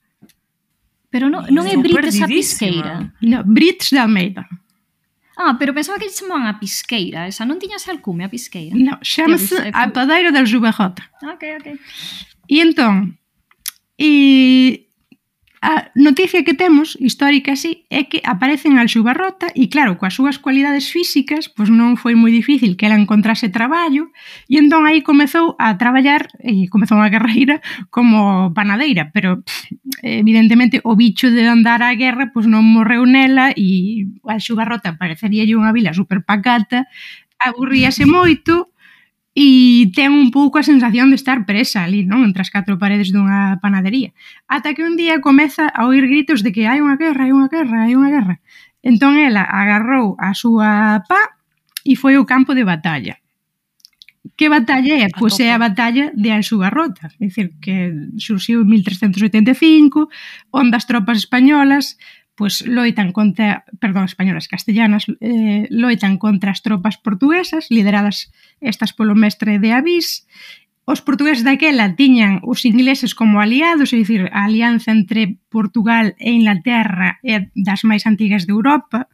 Froito desta alianza e como agradecimento pola vitoria, porque gañan os portugueses, pois, eh, João I, que é o mestre de Avís, vai casar con Filipa de Lencastre e aí unen dúas dinastías polo Tratado de Windsor. Bon, que me estou indo un pouco tal. Entón ela foi ao campo de batalla coa pá de padeira e volta para a cama, métese na cama como se tal cousa, non? E aí escoita un barullo no forno. E di a muchacha, pois eu que sei, será un ratos, vou mirar a ver que, que cousa hai. Entón vai ao forno e, e di, que está aí, que está aí? E do outro lado, pois non se escoita nada, ou escoita un ruido así como de tos ou unha cousa así. Ata claro, xa se dá conta de que hai humanos metidos ali agachados e ela di, xa desconfía. E volve preguntar que quen está aí. E supoño que os castellanos dirían algo así como eh, somos nosotros, vuestros hermanitos, ou algo así, intentando, falar, intentando falar portugués ou algo así. E ela dixo, ai, sí, sí, sí, saíde daqui, que xa vos dou eu descanso, uns bolos e, e como loitastes moito, pois saíde, saíde. E ela xa sabía que, claro, que se estaban facendo pasar por portugueses, pero quería gañar a súa confianza para sacalos do forno. Entón aí que eles sete eh, saen do forno e comeza a matalos. Seis dedos e los siete españolitos. sí, comeza a matalos claro. e aí sí que me falta unha palabra eh, que hai unha palabra en portugués para isto que é pasada, que é o golpe que se dá con unha pá. Entón mm. comeza a, matar, a matalos coa pá de padeira e polo visto descuartiza os ali na, na tafona e mete a carne no forno disque oh. esa carne de castellano pues, eh, terminou na cocendo Eh, e xon, xunto con pan con chourizo. Isto non o sei. Eso, es, non sei se logo criticades, non logo criticaredes as, as eh, receitas da, da miña familia. claro. Claro, xa pensei que iba a facer como co gato da familia de, gato de, da malvada profe. castellanos. Xa pensei que iba de o forno cos paisanos dentro. Ah. Increíble. E contra o sistema de Ida saindo, como teñen que salir dunha nova, plá, claro. plá, fora. plá. Pois que pasou? Que claro, ela dixo, mi má, non, o que acabo de facer isto é unha fazaña, unha proeza, teño que sair á rúa. É épica. Entón, claro, ela saiu á rúa e dixo matei sete, matei sete, matei sete. Entón fixeron ali un corro pois como unha especie de, de procesión, como a que decía a malvada profe, non? De, de parade, aí, eh, e a señora eh, fixose famosa, viñeron persoas de, de moi lonxe, non? Para admirar aquela pá que se lle deu como unha especie de mm, halo, non? De símbolo máxico, case como de martelo de Thor, Porque, claro, isto non o falei ao principio, pero a lenda dixo que esta señora tiña seis dedos, que era moi alta, que era moi forte, que era moi fea, porque evidentemente non se pode ser guapa e ser forte e matar xente. Terás que ter non alguna cousa masculina, vida, terás claro. que ter alguna cousa masculina que te asimile con un home para poder ser unha heroína de algún sitio, porque senón es unha heroína sí. mm, a medias monstrua, pero monstrua claro. en todos os sentidos. Monstrua. monstrua que Crack, monstrua. mastodonte. Entón isto é ídola. Que é como, era esta pá, ídola. non? Que foi iso, case asimilada como un símbolo máxico, e dir, eh, podría aparecer eh, nunha outra secuela de, de Indiana Jones, non?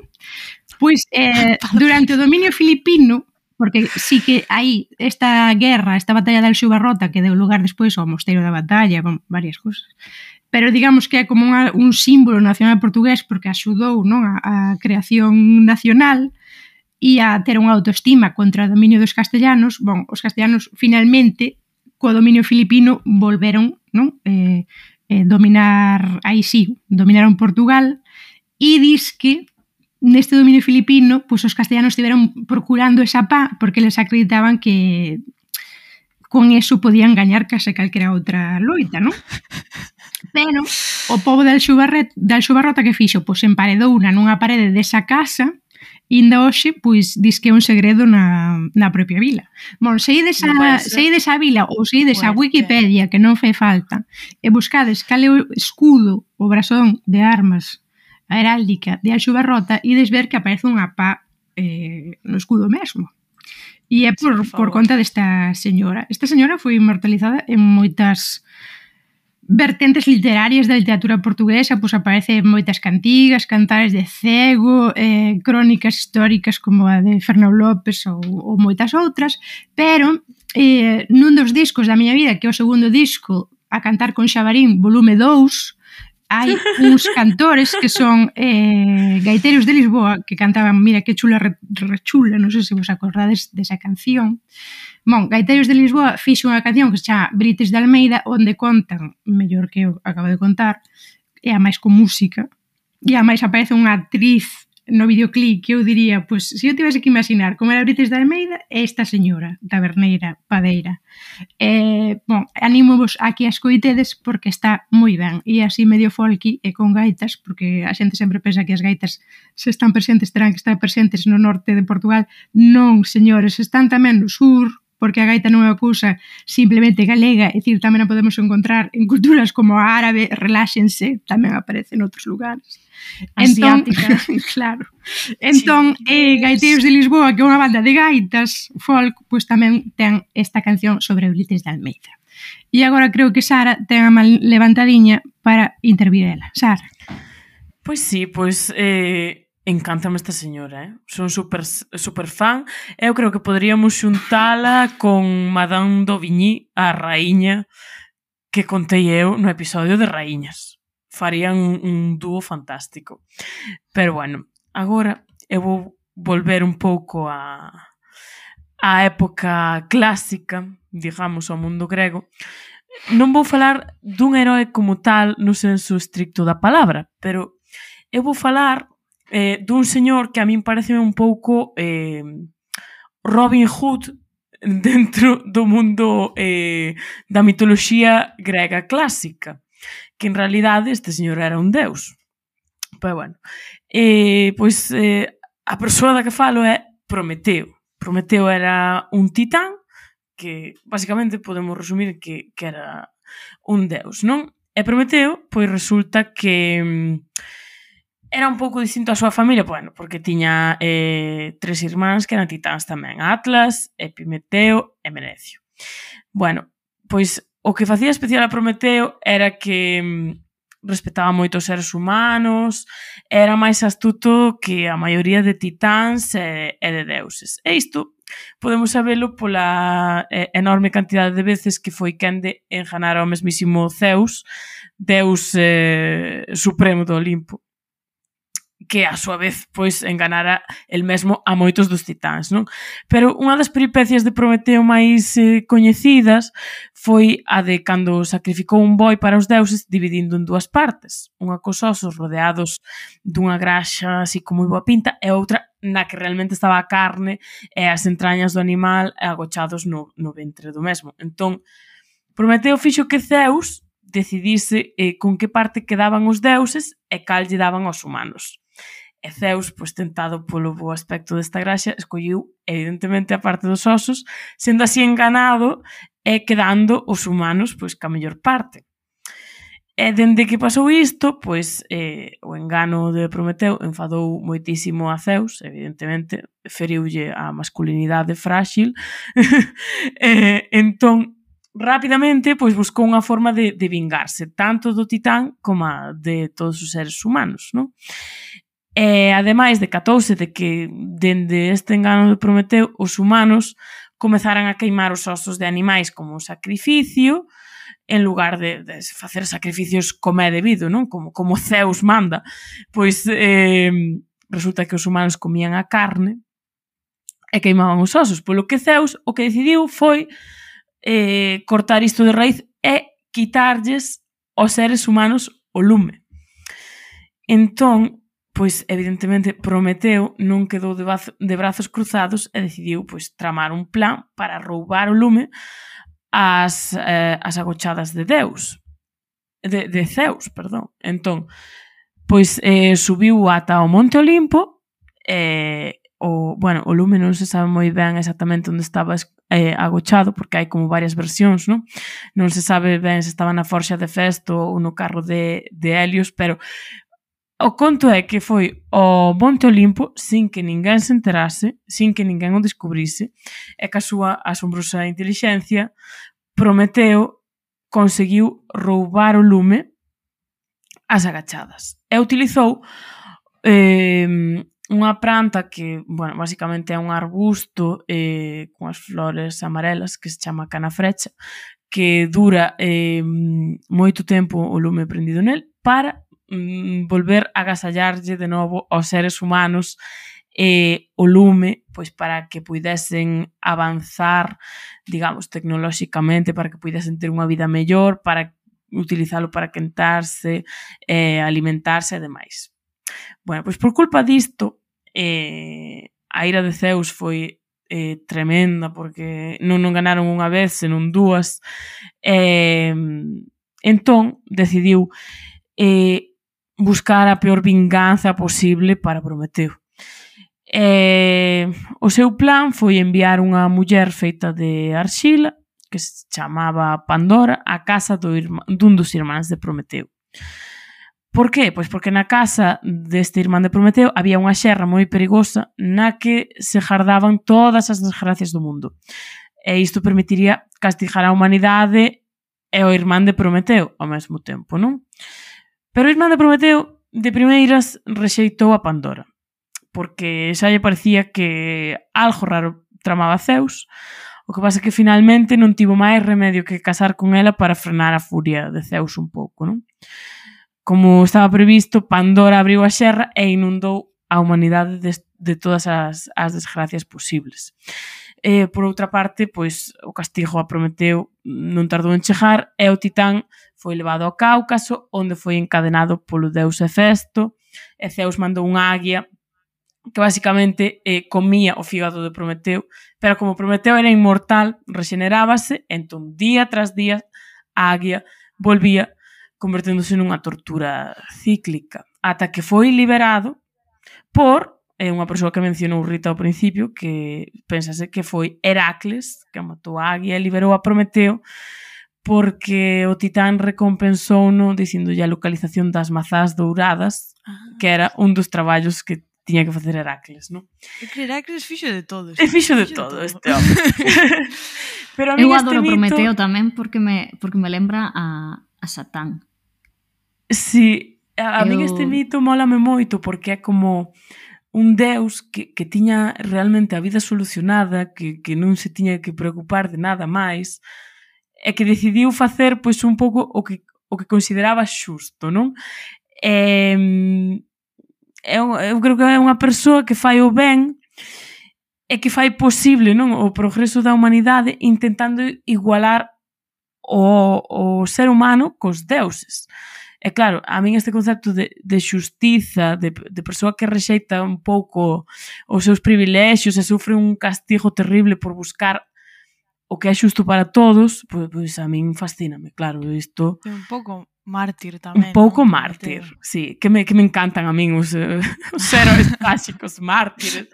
E ademais, claro, é como eh, o, o prototipo de o prototípico ro, o prototipo romántico do, do rebelde tamén, non? Que, que desafía os deuses, un pouco que dicía a malvada profe, non? É como Satán desafiou a, a, a a Deus, non? E este home, pois, de, home, este Deus desafiou aos deuses e a natureza eh, eu que sei, eu sou unha punky, non, non podo resistirme a, a unha persoa rebelde eh, de tal magnitude, non? Exacto. É como tamén é unha gótica romántica e que este é un heroe romántico até o punto de que a, a novela máis paradigmática igual sí. do, do gótico romántico é un remake de Prometeo e chama Frankenstein ou Medorno Prometeo. Maravilloso. É un temazo. é que de feito iba a comentalo agora porque, bueno, buscando a información resulta que relacionase con este mito de Prometeo porque, bueno, hai unha das versións do mito de Prometeo que di que Prometeo creou os seres humanos a partir de de arxila, entón vai un pouco da man da creación de Frankenstein a, a partir da nada e de como o lume e lle dá vida tamén a Frankenstein ata acabar nunha final tráxica como, como a historia de Prometeo. É como nos gusta un drama máis que un tuntun lápiz. Se si non hai pois. dramita non nos mola. Janito, contas. Pois eu veño aquí a falar dun non dun heroe, son de varios heroes que operan conxuntamente. Estes non é que sexan modernos, é que son contemporáneos, por decirse, a pesar de que son do século XX, son de finais do século XX e son eh, totalmente integrados na modernidade. Non cumplen co canon do, do heroe, probablemente. Son xente que son anónima, e son os bombeiros de Chernóbil.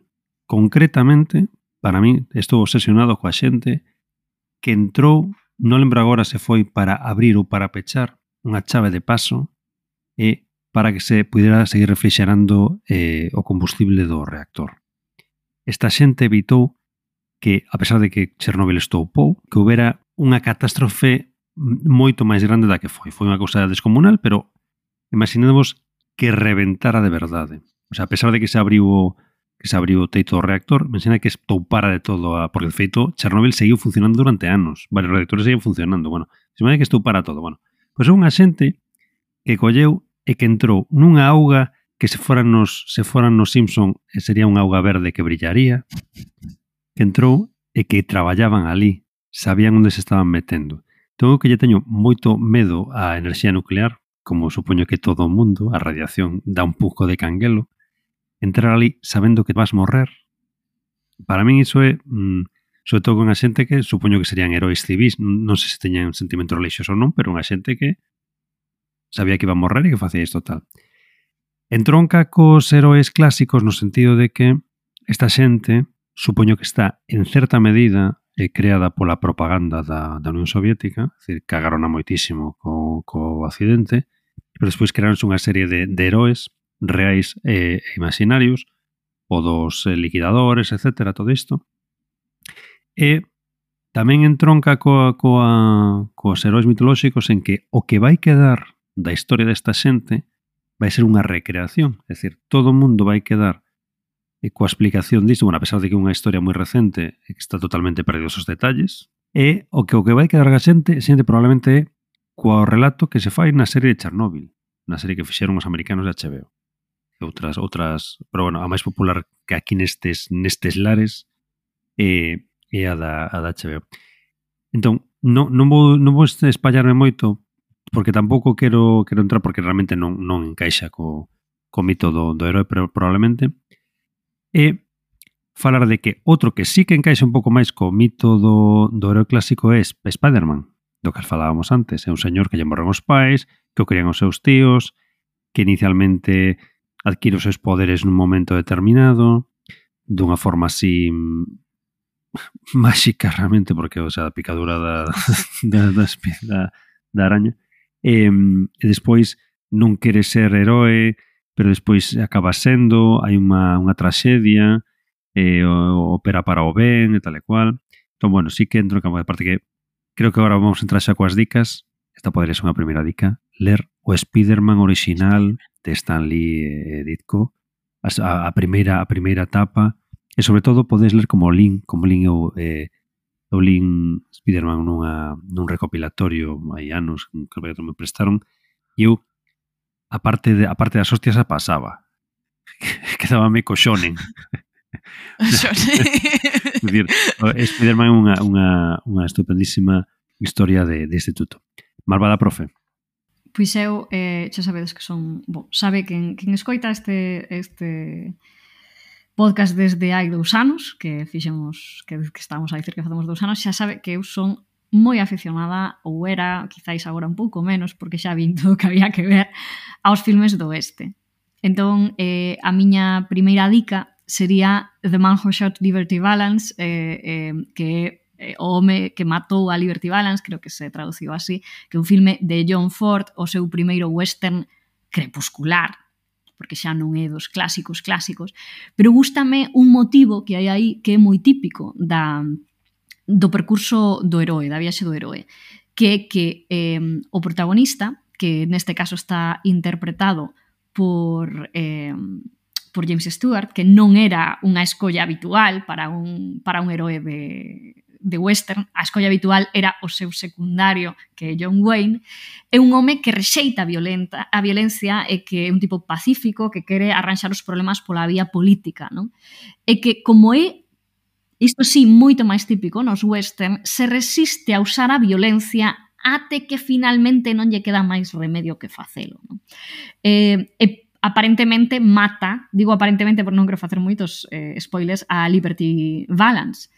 Eh, Entón é un, bueno, un filme que recomendo moitísimo, que vexades, porque, porque a verdade é que se queredes ver un western calquera, pois este é un, un lugar ótimo polo que comezar.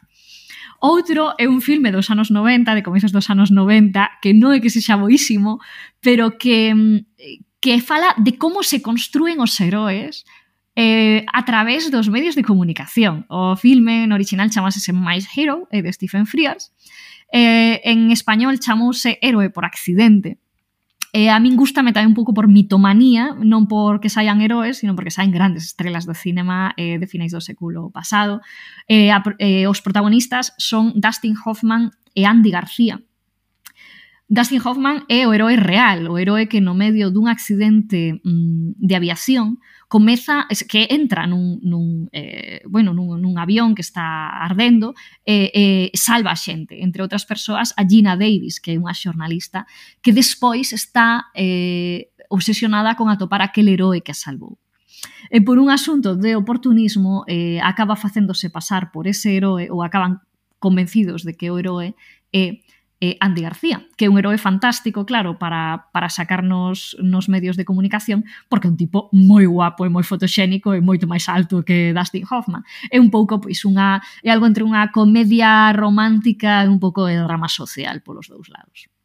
E, e no apartado de música que é máis o de saboridiña, pero hoxe teño que recomendar un film, un, unha canción que é unha das miñas cancións preferidas, ademais que é Helden, a versión en alemán de Heroes de David Bowie, que, que non a coñeza por por escoitar a versión en alemán eh, na, pois no Spotify ou en YouTube ou non sei de onde for, pois quizáis viu a, o filme de Christiane F, que é un filme alemán dos dos 80 sobre, bueno, unha nena nena, non se pode dicir outra maneira, unha rapaza heroinómana, e que, e que sae esa versión que é moi chula. Sara, Pois eu unha recomendación super rápida, porque imagino que moitas das ouvintes xa veríades esta serie de superheróis, que é The Voice. A min encantame especialmente porque eu creo que é o que pasaría se na realidade do noso sistema capitalista existisen superheróis saboridiña? Pois de series vou eu para series porque de feito pensei que ías falar desta que vou recomendar eu. Eu estive mm, obsesionada mm, por poñer algún calificativo con esta serie de Tinkering que se chama Heroes. Non sei se a chegaste a ver. Eh, creo que eh, collía eh, un pouco así a senda tamén de Lost, Entón, terminara naquele momento de ver Lost e engancharame a Heroes. Eh, pareceme que tiña un casting impresionante, é dicir, se vos digo que sae Milo en 20 millas, xa non vos teño que dicir máis nada. Eh, aparecía tamén Zachary Quinto, Hayden Panettiere, e aí o tema do herói era un pouco tratado como unha alteración xenética, unha mutación, eh, que acontecía en algunhas persoas, entón, eh, de acordo a unhas habilidades que ti tiñas onte, non? Se onte pois conseguía ser un atleta moi bo, pois mañá despois dun eclipse que houbo, pois ti, eh, non sei, conseguías caer sen nunca te magoar. E así con varios individuos eh, ao longo do mundo, non? E hai, mm, bon, heróis que son feitos así naturalmente e outros feitos químicamente nun laboratorio. Creo que está eh, bastante ben. Janito puxo así, troceo o morro. Salva porrista, salva o mundo, empeza ben, acaba... Ah, eu creo que aí eh, foi cando lle pillou un pouco a crise esta de roteiristas que houve nos Estados Unidos e aí xa foi un pouco en picado, pero creo que o casting era moi bo e as actuacións eran moi boas. E despois eh, estive tamén super enganchada a unha serie eh, que dúas series ao redor de Superman, do Superman, eh, unha Smallville que tivo un montón de entregas, moitísimas, moitísimas, e aquelo era, o chaval tamén era, para min era como un Jesucristo, porque era a cousa máis osainas que había na serie, o resto das personaxes eran moitísimo mellores que el, el estaba ali por guapo, pero tiñase, o sea, era, non sei, caía allí unha bola de 500 mm, kilos eh, nun dedo, a mesma cara, tocaba a lotería, a mesma cara, todo a mesma cara. E despois outra que tamén era sobre a figura de Superman, pero era máis como serie de 4 da tarde, antes de ninguna plataforma ni ninguna cousa, pero tamén me molaba moito de adolescente, que era Lois y Clark. Non sei se chegaste a saber, pero era un pouco así centrado, non? Máis na figura de mm, de xornalista de Clark Kent, e de como comeza así os amoríos con unha das namoradas que el ten, que se chama Lois. Bon, eh, canto a literatura, pois teño aquí unha super dica para quen gostar da literatura brasileira. Hai un libro pois case totémico dentro da literatura brasileira que é Macuna Ima, o herói sen nenhum carácter, que é de Mário de Andrade, entón eh, cría non unha personaxe que é Macunaíma, que é un herói, pois non sei, indígena, como un neno adolescente da floresta, e dice non que é un pouco como unha descripción dos atributos que ten o povo brasileiro, ou dos que non debería de ter, porque trata un pouco así como do bon selvaxe ou do, de un ser... El, Macuneina defínese como moi preguiceiro, non? Entón, eh, como persoa que nunca ten así moita ansia por facer nada, moi preguiceiro, moi sen rumbo, e ten tamén que pasar por unha serie de fazañas. E, bon, é como a mítica leitura que te mandan na universidade e que eu gostei imenso. E despois, e, cuanto a música, pois xa falei aquí de algún, algunhas veces deste heroi ou deste heroi e esta heroína, porque realmente fixeron unha luta en conxunto eh, nun lugar que eran os quilombos, no Brasil tamén, os quilombos eran lugares onde os escravos fuxían e montaban ali sociedades para conseguir libertar máis escravos. Entón, un dos heróis, o primeiro herói negro do Brasil chamase Zumbi, con Z escrito.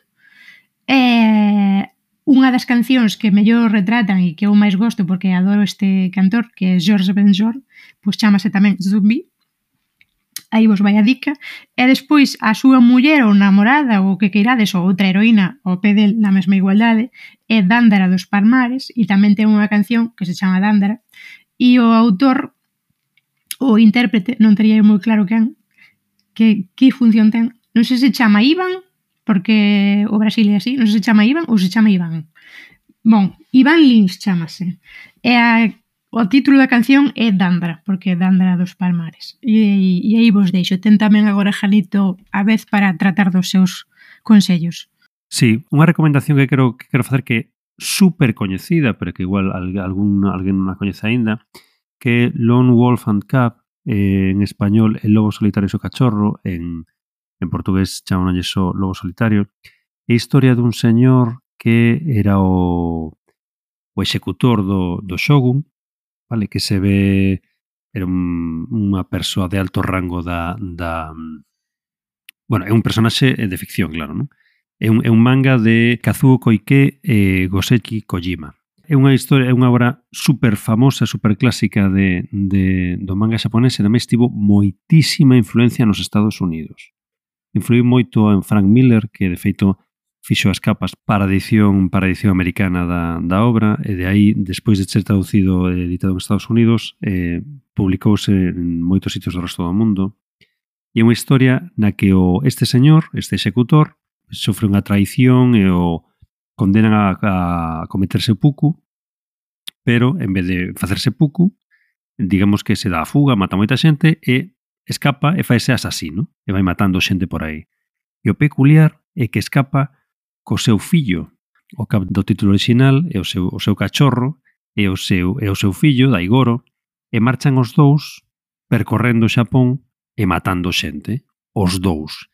El marcha co neno nun carricoche, nun, nun carriño de bebé, e o neno vai medrando na historia. Ao final, o neno, eh, estes non dan hostias, estes matan coas, coas espadas de samurai, e van seguindo os dous o, ca, o, camiño do, o camiño da espada, e unha serie de moitísima violencia. A edición que fixo en España Planeta hai uns anos tiña os negros unha historia, unha hora en branco e negro. Estaba tan sumamente mal, estaba tan queimados os negros que había momentos en que había vías unha, unha loita de espadas e non sabes o que estaba pasando. Vías só so, sombras, sombras, e, pero non sei se editarían de novo. É a versión que teño, é verdad que a obra é boísima, pero a, a edición un pouco full.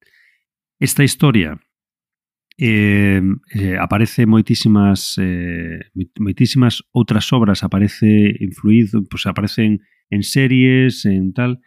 Aparece por exemplo na serie de Usagi Yojimbo que outra recomendación tamén. Usagi Yojimbo é un, é un un coello xaponés eh, samurai que está inspirado directamente por Miyamoto Musashi. Miyamoto Musashi é un, xa, un é o samurai máis famoso. É o cando pensamos nun samurai mítico ou típico é Miyamoto Musashi. É un señor que, que existiu que existiu de verdade, que tivo 60, 60 duelos victoriosos, nunca perdeu, e o seguinte, pois, están 20 ou 30, unha cosa, que decir, un señor moi mítico de Xapón, pois, Usagi Yojimbo é un señor que vai percorrendo Xapón, un Ronin que vai percorrendo Xapón, seguindo o camiño da espada tamén, en un dos episodios aparece unha, unha, unha cabuxa, unha cabra, cabra solitaria, que vai co seu, co seu neno tamén, que é directamente eh, é o mesmo que o lobo solitario. Van hai moitísimas recomendacións nunha. Ler eh, Usagi Yojimbo cunha obra boísima agora está lendo o meu fillo de 12 anos, recomendación para crianzas tamén. E ler eh, Lobo Solitario, que é unha obra boísima, boísima, boísima. Moita violencia. E como, como levamos xa falando mmm, moitísimo tempo, creo que xa é o momento de despedirnos agradecer moitísimo, moitísimo, moitísimo a Rita que viñera hoxe a instruirnos tanto sobre sobre o heroe e o seu camiño, que foi un camiño longo, pero que, bueno, un camiño pola senda paisaxística. Moitas grazas por vir, Rita. Gracias por... Eh, perdón, gracias e perdón. eh, moitas grazas a pois outro día máis aprendendo. Obrigada, Rita, por, por vir e nada, até a próxima semana, entón. Grazas, malvada profe. Obrigada eu, eh, moitas grazas Rita por vires eh, as nosas subintes, pois se queren ver e escoitar a Rita de cando en vez, pois que conecten con Recuncho Gamer, que ali fala ela de cousas parecidas a estas, pero que teñen que ver cos videoxogos. Moitas grazas Sara. Moitas grazas a vós, encantada de percorrer este camiño das heroínas. Ben acompañada. E moitas grazas a todas vós por estar aí unha semana máis, tanto escoitándonos directamente no noso podcast como, como sempre, en Cuac FM, se vivides na área da Coruña, como sempre, os... Martes ás 3 da tarde. Os martes ás 3 da tarde. E nada máis, escoitámonos a semana que ven, que estaremos aquí para falar de outras cousas, e, e agardamos que con todas vos. E que nos Chao. manden bolos de aniversario, que estivemos de aniversario. A ver, Por favor. a ver, a ver. Había, había que dicilo e díxose. Eh? Happy birthday, Mr. Woman. Mr. Womans. Chao, chao. Chao. Adeus. Agur. Ouriño. Vivamos nosas mulleres,